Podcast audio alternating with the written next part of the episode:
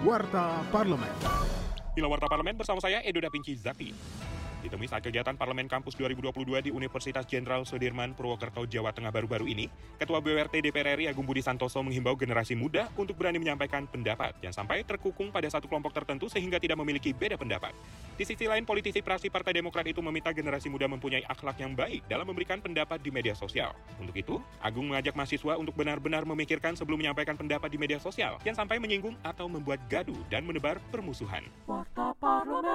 Dalam konferensi pers terkait pemilu 2024, Ketua DPR RI Puan Maharani mengumumkan kesepakatan dengan pemerintah bahwa tahapan pelaksanaan pemilu tetap sesuai jadwal. Selain itu, Puan berharap anggaran yang disepakati digunakan seefektif dan efisien mungkin sesuai kebutuhan pemilu 2024. Pelaksanaan tahapan-tahapan penyelenggaraan pemilu insya Allah sesuai dengan jadwal yang sudah akan ditetapkan.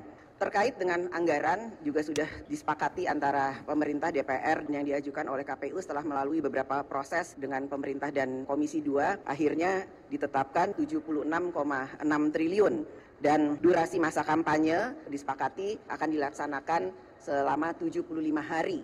Kami berharap bahwa anggaran pemilu bisa dilaksanakan secara efisien dan efektif serta dimaksimalkan sesuai dengan kebutuhannya sejak dimulainya tahapan pemilu. Kinerja Wakil Rakyat simak di media sosial DPR RI. Anggota Komisi 11 DPR RI Muhammad Misbakun mensosialisasikan gerakan cinta bangsa dan paham rupiah di Gili, Ketapang, Probolinggo, Jawa Timur. Menurut politisi praksi Partai Golkar itu, rupiah sebagai simbol kedaulatan negara dan bentuk cinta kita kepada tanah air harus dijaga dengan baik. Untuk menjaga kedaulatan bangsa, kita harus bertransaksi dengan rupiah. Selain itu, Misbakun juga mengajak BI memberikan sentuhan khusus kepada warga di daerah tertinggal, terpencil, dan terdepan atau 3T. Televisi Radio Parlemen. Demikian Warta Parlemen, Produksi TV dan Radio Parlemen, Biro Pemberitaan Parlemen, Sekjen DPR RI.